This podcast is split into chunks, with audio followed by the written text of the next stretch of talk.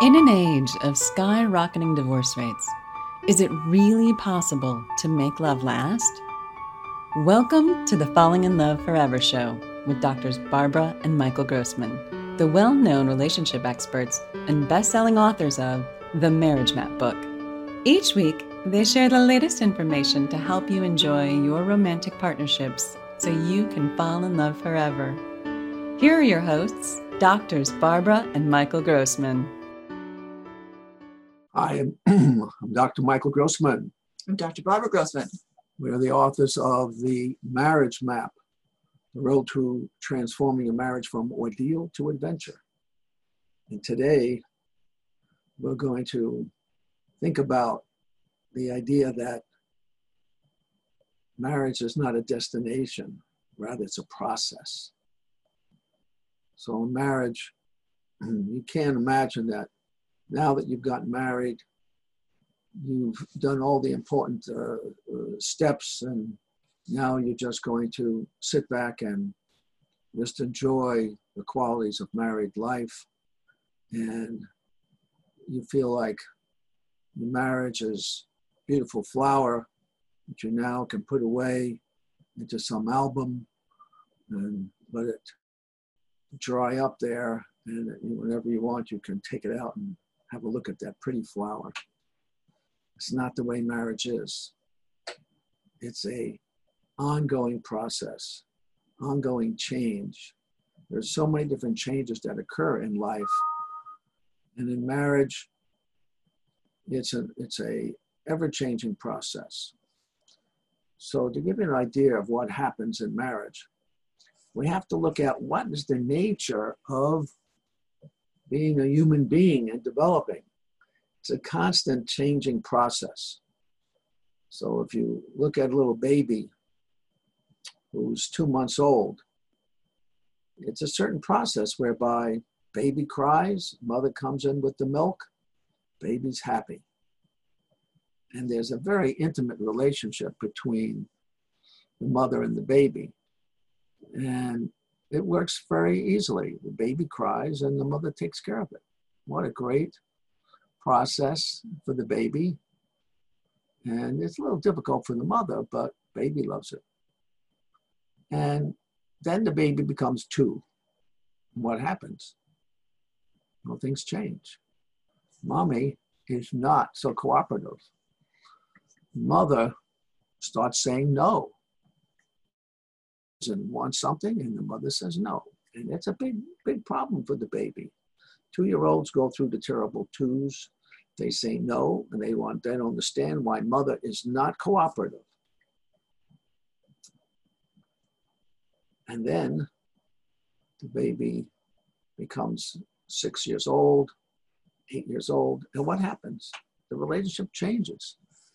The, the child has learned that they're just one of the family members. They have brothers and sisters. They love being part of the family.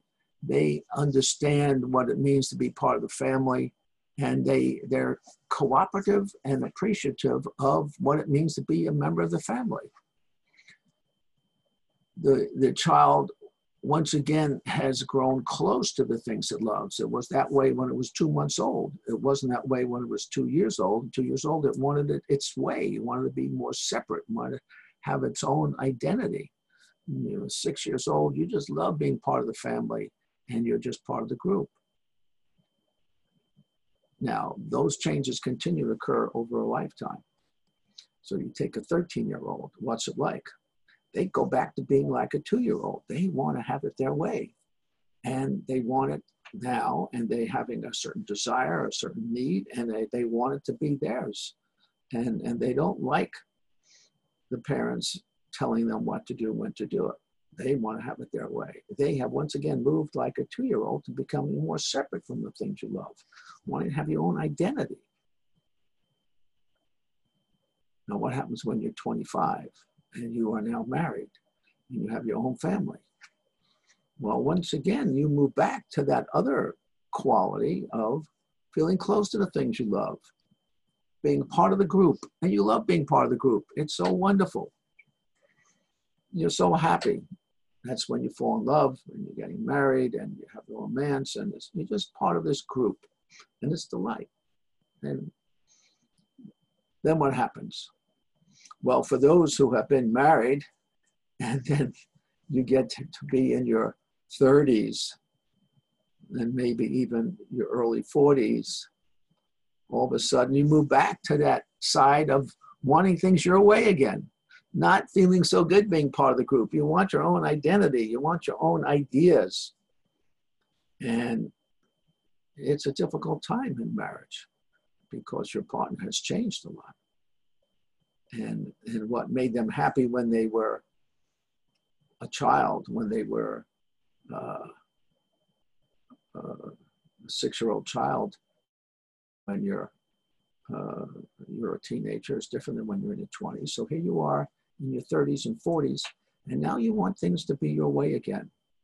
You, you're not happy with just being part of the group. So those are the changes that naturally occur. It's not like there's something wrong, but it's difficult. So falling in love is not a destination. This is a process that's going to occur. Would you like to say something, Maria? So it's, it's good to be aware of this dynamic of being connected and being separated from the people you love. So when we talk about marriage, we're talking about partnership. When you marry, you're very connected, and you're um, generally you um, you fall in love because you have certain affinities, and um, and you you have spent a lot of time together, so you feel a lot of connection, and um, this this goes on for some period of time until um, uh, it might be uh, the, the, development of your of careers that you begin to um, uh, feel more um, uh, independent and focused on your own competence and development of your profession, and so you you move into a, a certain uh, experience of valuing, and that sets you as uh, some distance from your partner. Now this dynamic of distance and connection is not a bad thing. You can't be connected the whole time without um, uh, these fluctuations because you need time to develop as an individual. And that separation really gives you a chance to, um, you know, there's, there's attraction and chemistry and separation.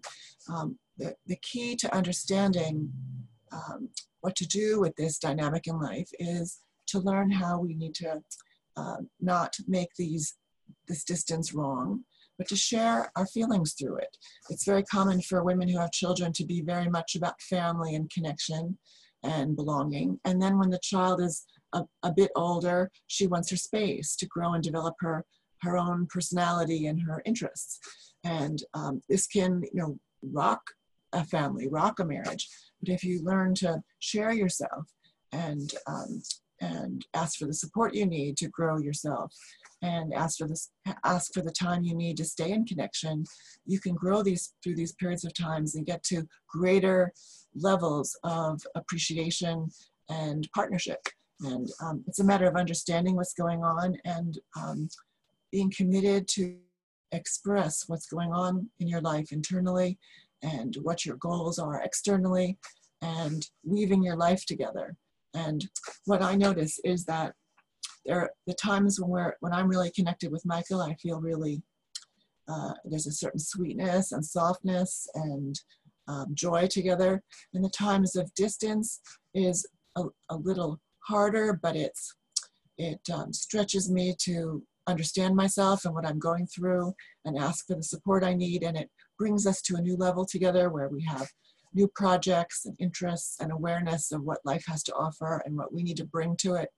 And you know, we're we've constantly used these fluctuations of growth as a momentum for growth, and we've taken on more and more responsibility. So another, uh, you may if you're if you're in your 30s and you have young children, it's really wonderful to be to be all you know um, feeling all soft and sweet and happy as a family. But at some point, as a partnership, you need to grow managerial skills so that you manage your families. You have cooperation as you need it. You have a structure of rules and consequences in your home.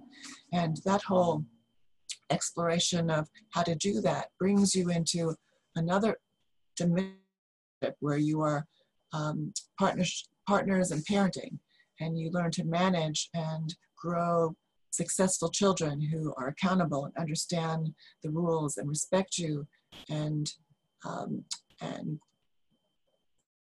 chaos in the family and less um, arguments. There's more more time to enjoy each other and more time for children to develop themselves and grow into integrated adults and um, human beings who really contribute to society. So there's, there's a lot of there's a lot of projects inside your partnership as time moves forward, and in each in each um, successive cycle of development, you grow more skills and you get closer. We want that for you. So it's important to realize that in your marriage, in your romantic partnership, your partner will be changing. And you have to be willing to listen to how they're changing, being able to have conversations so that you understand their new desires that are coming up, which weren't there some time ago. And that takes skills to be able to listen and share without creating upsets and arguments. And those are some of the skills that we teach in our marriage class, Falling in Love Forever. For two hour classes, we give you those specific skills that you need at every level of your development. You need to, you need to be aware that the things that you think will make you happy may or may not make your wife or your husband happy. You have to really listen to them and see what is it that they really need from me, because it's not necessarily going to be the kind of things you need from yourself. So we hope you, we invite you to um, look into our course. We want to um, support you in developing yourselves as individuals and your partnerships so that you continuously grow through life and grow together and feel very um, gratified by the love and um, personal development that you attain. Well, it's a pleasure being with you. We look forward to seeing you again. Thanks so much for being with us. Thank you for watching the Falling in Love Forever show with doctors Barbara and Michael Grossman. Join us next week for another informative discussion to help you keep your love alive. Be sure to visit us at themarriagemap.com or find out about our relationship classes at fallinginloveforever.com.